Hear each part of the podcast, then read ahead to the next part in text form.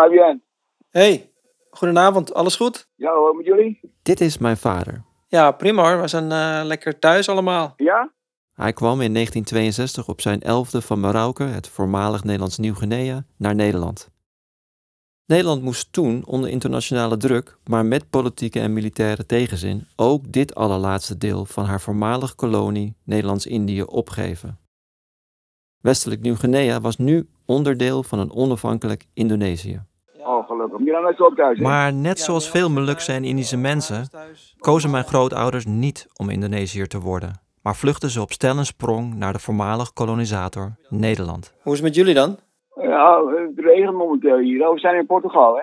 Ah, lekker. Praten over deze geschiedenis met mijn vader gaat nog niet zo makkelijk. Het lijkt alsof hij ons, mij en mijn broers ergens tegen wil beschermen. Was het eh ander weer dan jullie hadden verwacht? En ik begrijp dat wel. Het is ook een beladen geschiedenis. En het gedwongen vertrek uit zijn geliefde Marokko doet 60 jaar later nog steeds pijn. Maar dat zegt hij dus niet. En dat is denk ik een van de redenen waarom ik me heb vastgebeten in deze zoektocht. Naar een kindje op een foto van 65 jaar geleden. Een kind dat naar Nederland kwam, net zoals mijn vader. In ongeveer dezelfde periode, op ongeveer dezelfde manier. Ik ben Fabian Saptoe en dit is de tweede aflevering van Iemands Kind. Of, zoals je in het Moluks Maleis zou zeggen, Orang Poen Anak. Een zoektocht in geluid naar een foto en een verleden.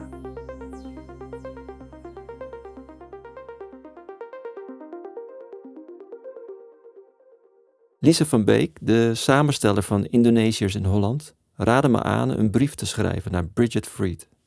En dat deed ik. Ik was vergeten hoe lang het wachten op een antwoord op een brief kan duren. Maar na een paar weken is het daar dan. Ik kan haar bellen. Hello? Hallo, this is uh, Fabian Saptu calling from Amsterdam for Bridget. Yes, you speak with Bridget. Am I calling at a convenient time or am I interrupting? Yeah, no, I, it's perfect that you called. Perfect, yeah.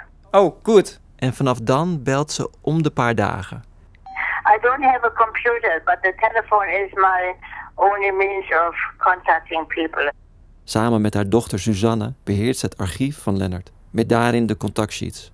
Op een contactsheet werden alle negatieven van een rolletje afgedrukt, waardoor we erachter kunnen komen waar en wanneer de foto gemaakt is. If you can find the, the contact sheets, it would be nice if You can find them. I'm very organized. I find them. I just have to go out and find them. Mooi. We kunnen verder.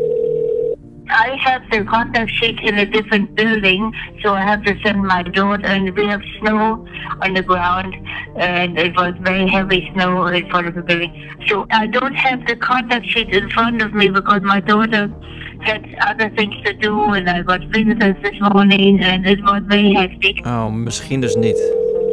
I couldn't get down to the garden because I had visitors here for a long time, and I had to feed them lunch and everything. Oké, bezoekers. But now we're having a lot of snow again. I can't go back to that house where I keep the contact sheet. So I have to have the help of my daughter. It's down the hill and with ice and snow, it's not safe for me to walk because I am 87 and a half years old. Ze is natuurlijk oud, er ligt sneeuw, ze heeft bezoekers. Lastig. How many camps were there? I mean, you, you have other means to find out the camps.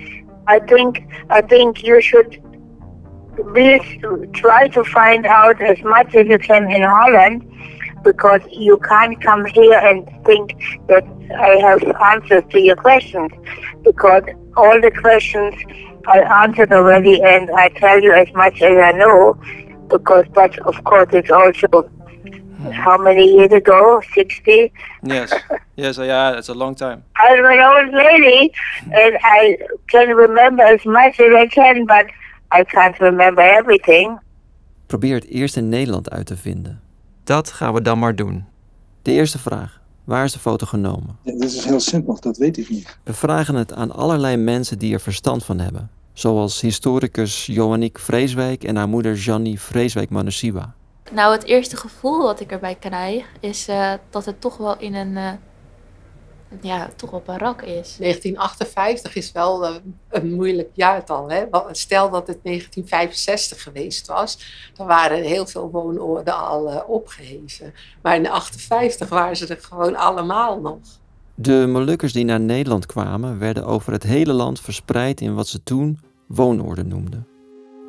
Woonoorden klinkt gezellig, maar het waren voornamelijk kloosters, kazernes en kampen. Westerbork bijvoorbeeld, het voormalig doorgangskamp uit de Tweede Wereldoorlog. Er waren in die jaren rond de 100 woonoorden en opvangkampen in Nederland. Onze foto kan dus op heel veel plekken zijn genomen. Eén kamp is in de fotoserie van Fried heel duidelijk te herkennen. Kamp Wildemerk in Friesland. Pim Westerkamp vertelde ons daar ook al over. Daar heeft iemand zich van aangemeld en die zei, ja, dat is allemaal kamp Wildemerk. Ik bel Gani van den Berg, een expert op het gebied van kamp Wildemerk. Ik wil eigenlijk aan u vragen waar u denkt dat deze foto is en of u denkt dat het misschien kamp Wildemerk is. Nee, ik denk het niet. Omdat die barakken van Wildemerk zijn wooneenheden. En dit is gewoon een hele lange gang waar dat jongetje in loopt. En dat had je niet in Wildemerk. Wildemerk is het dus niet. We bellen historicus Wim Mannehutu. Nou, en als Frieders dan zegt, eh Lennis Fried is in twee kampen geweest, Wildemerk en Vught. Dit zou heel, heel goed kamp Vught eh, kunnen zijn geweest. Met Frieders bedoelt hij Frieders Stijlen, hoogleraar Molukse migratie en cultuur. Iemand die het kan weten. Dus gaan we niet naar New York, maar naar Vught. Dit voormalige concentratiekamp in Brabant was een van de bekendste Molukse woonoorden. Het werd na de oorlog omgedoopt tot Woonoord Lunette. Oké, dus wat zei je moeder? Wat dacht je moeder? En ook Vita, die ons helpt bij het maken van deze podcast en wier moeder opgroeide in Lunette, vroeg het in haar omgeving. Als ik het me goed herinner, zei ze via de app dat het Vught zou kunnen zijn. Maar ze zei dat de hal er anders uitzag dan hoe zij het zich herinnerde. Dus het niet zeker. In Vught word ik rondgeleid door tante Louise Pariala. Ze heeft er haar hele leven gewoond en gaf er tot haar dood in 2022 rondleidingen. Ze was dé kenner van het woonoord Lunette. Dit is een hele mooie foto, maar het is niet een foto van hier in het kamp. Nee, dit is niet eh, Lunette. In Lunette had je ook een brede gang, maar in Lunette heb je dus van die eh, steunpilaren eigenlijk. Daar kwam het dak op te liggen. En dit was een recht, niet met die planken ertussen. Tante Louise neemt me systematisch mee door alle verschillen tussen Lunette en de foto. Nou, dat is wel grappig, want deze fotograaf die is ook in kamp Wildemerk in Friesland geweest. Daarvan weten we ook eigenlijk zeker dat het niet kamp Wildemerk is. We weten nu ook dus dat het niet kamp Vught is. Die meneer van kamp Wildemerk, die zei ook van, die zag deze foto, die zei van het is veel te opgeruimd. Ja, Die gang, ja, netjes. dat was vroeger niet zo. Nee, Want hoe zag het er vroeger dan uit? ja, daar, daar hangt van alles aan de muur. Eh, Emmers en eh, buiten fietsen en eh, ja, van alles. En zo valt Vught af en is Wildemerk het ook niet. En weten we het eigenlijk allemaal ook niet zo goed meer. Totdat ik toevallig een tv-programma kijk. Oké, ik heb jullie dus gisteren een berichtje gestuurd waarin ik ehm, zei dat ik misschien de plek had gevonden van waar, ehm, ja, waar de foto van het jongetje genomen was, namelijk welk gebouw het was. Ik dacht namelijk eh, in een programma met de titel De Indische Rekening, dacht ik een woonoord of een barak of een eh, gebouw te zien waar dit jongetje dus gefotografeerd was. En ik dacht dus de deuren te zien die we in, het in de foto van het jongetje zien. Maar met name dacht ik te zien de raampjes die je daarboven ziet. Budel. Ik had er nog nooit van gehoord, maar ik raak helemaal in de ban van deze plek. Een oud Duits legerkamp op de grens van Brabant en Limburg. De architectuur lijkt echt overeen te komen. Het zou heel goed de plek kunnen zijn die we zoeken. Maar ik twijfel ook. Misschien is het toeval. Ik kom er gewoon niet uit. En ik denk dat de enige manier is om eruit te komen de contactsheets in handen te krijgen. Te zien welke foto's voor en na deze specifieke foto zijn gemaakt. En dan te kijken wat daar nog meer voor hints op te vinden zijn. Dit hele proces doet me denken aan een quote van Leonard Fried zelf, die ik online tegenkwam. Contact sheets are mostly a waste of money, I find. 99.9% of the frames on a contact sheet are the mistakes one makes while photographing. Because it is a waste of money, I love them. I always thought that photography should be fun, and if it was not, it should at least earn me some money. And if it did neither of the two, it should at least substitute for psychotherapy. There are things in life we must do just because we find them unprofitable. Er zijn dingen in het leven die we moeten doen omdat ze geen geld opleveren. Net als een jongetje op een 65 jaar oude foto zoeken. Net als een podcast over deze zoektocht maken en het vliegtuig nemen om contactsheets te bekijken. We zitten in het vliegtuig uh, van United Airlines van Amsterdam naar New York. We gaan naar Bridget. Dus het is nog ongeveer anderhalf uur vliegen naar New York. Daar gaan we hopelijk veel leren over Leonard Fried, over haar oh, en over de foto van het jongetje natuurlijk. Zodat we iets meer weten over de locatie. En over uh, ja, waar Leonard was voordat hij deze foto nam. Na ellende met creditcards, met huurauto's en met de GPS komen we eindelijk aan op onze bestemming. Hello. Hello. Is this uh, Bridget? Yes. I'm Yes. Fabian. Yes. Oh yeah. Okay. We zijn er. We zijn er. Nice to meet you. Hey, hey, hey, hey, what a big guy. What a big guy you are. Not such a little one. Hi. Renee. Renee, hi. So nice to meet you. Yes. We worden warm onthaald door Bridget en haar dochter. We krijgen een rondleiding door een knus houten huis op de helling van een berg. Het hangt en staat er helemaal vol met foto's van Leonard en foto's van Leonard. There's Leonard, yes. Yeah. Yeah. This is the home of the pictures. Yeah, yeah. Yes, now it is. Yeah. De volgende dag komen we terug voor ons eerste interview met Bridget.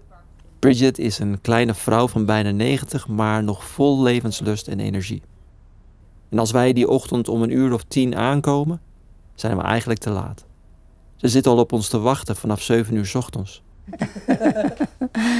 So, so that's the question. Who is Bridget Fried? That's me. I was born in East Germany, which area was called Silesia, and uh, I came from a family of farmers. My grandparents were farmers. Als jonge vrouw gaat ze op vakantie naar Rome. En daar ontmoet ze in een hostel een Amerikaanse fotograaf, Leonard Fried. Fried woont dan al in Nederland en is naar Rome gereisd met de Nederlandse journalist Willem Oltmans, die daar de toenmalige Indonesische president Sukarno wil interviewen. Leonard is meteen stapelverliefd en rijdt vanuit Rome op een scooter naar het huis van Bridget's ouders in Duitsland. Bridget is er niet, maar hij vindt haar, versiert haar en nog geen twee jaar later wonen ze samen in Amsterdam, waar ze twaalf jaar blijven wonen. We hebben een kaart van Nederland meegenomen, in de hoop dat ze misschien wat plaatsnamen herkent. En weet waar Leonard of misschien wel waar zij samen zijn geweest. And Yeah. Remember. Yeah, I didn't go with him because I was always in the dark room. Yeah, he's in Zeeland, Middelburg, and um, yeah, yeah, yeah. But he made also the fishermen and the boats and going. Bridget in de donkere kamer. Leonard op pad. Maar Bridget weet genoeg te vertellen over het leven in de jaren 60 in Amsterdam. Hun kunstenaarsvrienden en over hoe ze later weer naar Brooklyn verhuisden. En daar ook als kunstenaarskoppel woonden. Ze praat en ze praat en wordt al snel onze oma, die we te lang niet hebben gesproken. You want to find out, you know, beard Yeah. or no beard? Yeah, beard. I got. beard. she loves the beard. Yay! is, it is, feels so nice and soft. really? Maar tussen alle goede gesprekken en mooie herinneringen door, proberen we ook steeds de aandacht te sturen naar die ene belangrijke vraag. Bridget, Yes. weet jij waar de contactsheets zijn? and some larger pictures and then some very large pictures. Okay. So you, you tell me what you want to see. Yeah, we want to see the. The contact is very hard to, but of course we can talk about the contact sheet. En dan uiteindelijk komt na een dag zoeken toch de doos tevoorschijn die we moeten hebben. En vinden we de contactsheets met daarop foto's uit het boek van Lisa. Very dressed up. And Here we see the camps. yeah, the camp, the back where the priest is, yeah. And there is the nurse, and here's the little boy. Yeah. See? Oh. You see, it starts here, 44. Ik krijg een loop van Bridget en zit met mijn neus op de foto's om zoveel mogelijk te zien. Contactsheet 64, nummer 4. En dan nog een keer 4. En hier staat de foto. We willen ook kijken naar die film daar waar we geen contact van hebben. Ja. Ja, precies. Dan moet eerst mijn handen wassen. eh, Nou, doe maar rustig aan. Ga maar lekker liggen hoor. Ik even rusten, ja? Ja, wel te rusten. Kijk. Ik heb hier dus de foto waar het jongetje op staat. We zien door de lens van Leonard Fried hoe het jongetje zich door de gangen van de nog onbekende locatie begeeft. We zien hoe Fried focust, welke details hij uitlicht, hoe hij het kader aanpast tot hij de foto maakt. Op het contactsheet is dit beeld omcirkeld. Er staat een grote F in de hoek. De andere foto's geven ons meer context. De foto's beginnen in dezelfde gang. Maar dan zien we het jongetje nog niet. Wat we wel zien is een hand die de deur uitkomt. Door het vergrootglas zien we een bordje met niet roken op de bedden. We zien een vrouw met een sarong in de gangen. Een vrouw die we ook op een andere foto in het boek van Lisa zijn tegengekomen. Maar nergens staat er een plaatsnaam. Nergens een echte aanwijzing. Geen enkele deur of geen enkel bordje geeft ons duidelijkheid over de precieze plek waar de foto genomen is.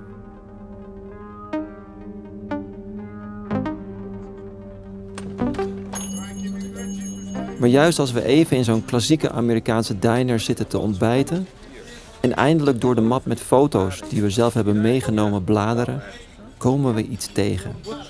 In deze map zit al mijn research over de architectuur en omgeving van Budel, het lege kamp uit de documentaire De Indische Rekening, dat ik dacht te herkennen op de foto's. Zie je van deze... Ja, kijk eens. Ja. Holy crap. Wow, We hebben iets ontdekt. Oh, jezus. We hebben iets ontdekt. it's- Ja, oké. Nou, Oké, ja. we zien eigenlijk op de foto op pagina 47 zien we een weg waar een mevrouw in een sarong overheen loopt.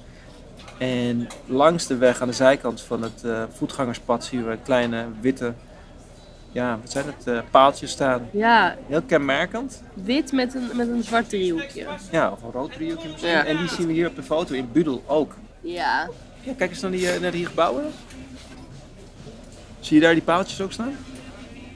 Ja, maar dat zo 1, 2, 3, 4. 1, 2, 3, 4. Uh, pilaar ding. Ja, dit is ook doen. Ja? Ja, kijk maar. We zien precies dezelfde paaltjes op een foto van Fried en op een foto die ik vond in het archief van het Nederlands Instituut voor Militaire Historie. Een foto die sowieso in Budel is genomen. En we weten het zeker. De paaltjes op de foto van de mevrouw met de sarong zijn dezelfde paaltjes als die in Budel. En op de contactsheets hebben we gezien dat de vrouw met de sarong ook in de gang stond waar het jongetje werd gefotografeerd. Deze paaltjes staan dus op dezelfde plek als de gang van het jongetje. Dat het jongetje in Budel gefotografeerd is, is nu wel echt heel aannemelijk. We zijn helemaal door het dolle vanwege onze ontdekking en kunnen niet wachten om terug te gaan naar Nederland, om de zoektocht verder te vervolgen en ons op Budel te storten. Maar voordat we gaan, spreken we eerst nog de andere belangrijke vrouw uit het leven van Leonard, Ik heet Elke Susanna Fried. zijn dochter. Mijn vader die was een fotograaf. Hij was geen timmerman, hij was geen eh, bouwvakker, hij was geen makelaar, wat dan ook. Hij was een fotograaf, dus hij zocht met de krant, met eh, kunstenaars en daar maakte hij foto's voor. In die tijd heeft hij ook die foto's van de Molukse mensen en de Indonesiërs die aankwamen in de boten. Nou, zijn interesse lag in het visuele zien van een mens. Als je naar zijn foto's keek, dan zag je echt dat het een echt mens was en niet alleen maar een plaatje of een, eh, een verhaaltje of zoiets. Suzanne praat vol liefde en bewondering over haar vader. Ik heb heel veel gesprekken met mijn vader gevoerd. En hij heeft mij eigenlijk laten zien van hoe je naar iets kijkt. Wat doorvoert naar eigenlijk alles. Hoe je jezelf bent en wat je wil in het leven, maar ook hoe je naar foto's kijkt. Ze voelt zich een migrant. Ik heb geen Nederlandse familie. Iemand die een nieuw land binnenkomt, dat niet van haar is. Een land dat ze het hare moet maken. Net zoals mijn vader en vele andere Indische en Molukse mensen dat moesten. Ik ben wel getrouwd met een Nederlander en heb Nederlandse kindertjes. Dus die zijn dus uh, Nederlands geworden. In mijn hart is alleen Nederlands. Als iemand mij vraagt waar, waar kom je vandaan, dan zeg ik Amsterdam. Dat is waar ik vandaan kom. En um, het heeft niks te maken met mijn voorouders. Het heeft niets te maken met mijn uh, religion. Het heeft gewoon puur te maken met daar kom ik vandaan. En, en, en ook in Nederland is een plek waar ik heel veel om geef. Dus uh, dat is iets wat. Uh, ja, dat is waar ik vandaan kom. Hè. Dus ook een plek is, of een, of een land kan dan eigenlijk altijd in beweging zijn, althans waar je dan bent. Het hoeft niet vast te staan. Dit is de plek waar ik vandaan kom en dat is het. Ja, want die Indonesiërs die kwamen ook, die gingen weg uit Indonesië. Want ze, wat was het, de oorlog en onderdrukking en, en zo, die moesten weg. Je hebt precies hetzelfde nu gaande. Dat blijft. Migratie. Je komt het overal tegen. Ook hier op een prachtige berg in Garrison, New York. Omringd door foto's van Freed en zijn vrouw en dochter. Precies hetzelfde is nu gaande, nog steeds. Want terwijl Suzanne dit zegt, is het 2022 en is Rusland net Oekraïne binnengevallen. Ook woedt er in Syrië al veel langer een bloedige oorlog. Nieuwe migratiestromen ontstaan met mensen die uit angst vluchten, ook naar Nederland. En dan is het weer tijd om terug te gaan naar mijn land. Of het land waar ik geboren ben en waar Suzanne ook geboren is en waar mijn vader naartoe kwam en waar mijn dochters wonen. En het land waar Budel is. En nou ja, goed, weet je, het is gewoon tijd om naar huis te gaan. En in de acht uur vliegen terug naar huis typ ik alvast een mailtje naar het COA, het Centraal Orgaan Opvang Asielzoekers, omdat legerkamp Budel inmiddels een AZC is geworden. Beste mevrouw Hendricks, voor een cultureel project doe ik onderzoek naar de voormalige Nassau-Dietz-kazerne. In de bijlage treft u een foto uit 1958 en ik ben op zoek naar de locatie van deze foto. Ik heb sterk het vermoeden dat de foto is gemaakt in Budel. Dit was aflevering 2 van de podcast Iemands Kind. Gemaakt door mij, Fabian Saptoe. Maar deze zoektocht had ik nooit alleen kunnen doen.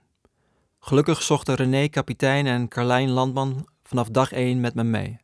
Naast meezoeken deed René montage. Ergie! En was Carlijn ons creatief producent. Op onze zoektocht zijn we verder ook vergezeld door Vita Pikal, Research, Wederik de Bakker, eindmontage, sound design, Wouter Verhulst, mixage en voice-over opname. En Simfeen, die de prachtige muziek heeft gemaakt. Verder wil ik alle mensen bedanken die we voor deze aflevering hebben gesproken. En de gemeente Amsterdam, het V-Fonds, het Amsterdams Fonds voor de Kunst, Fonds ZOZ en Wereldmuseum Amsterdam, het voormalig Tropenmuseum, voor hun steun.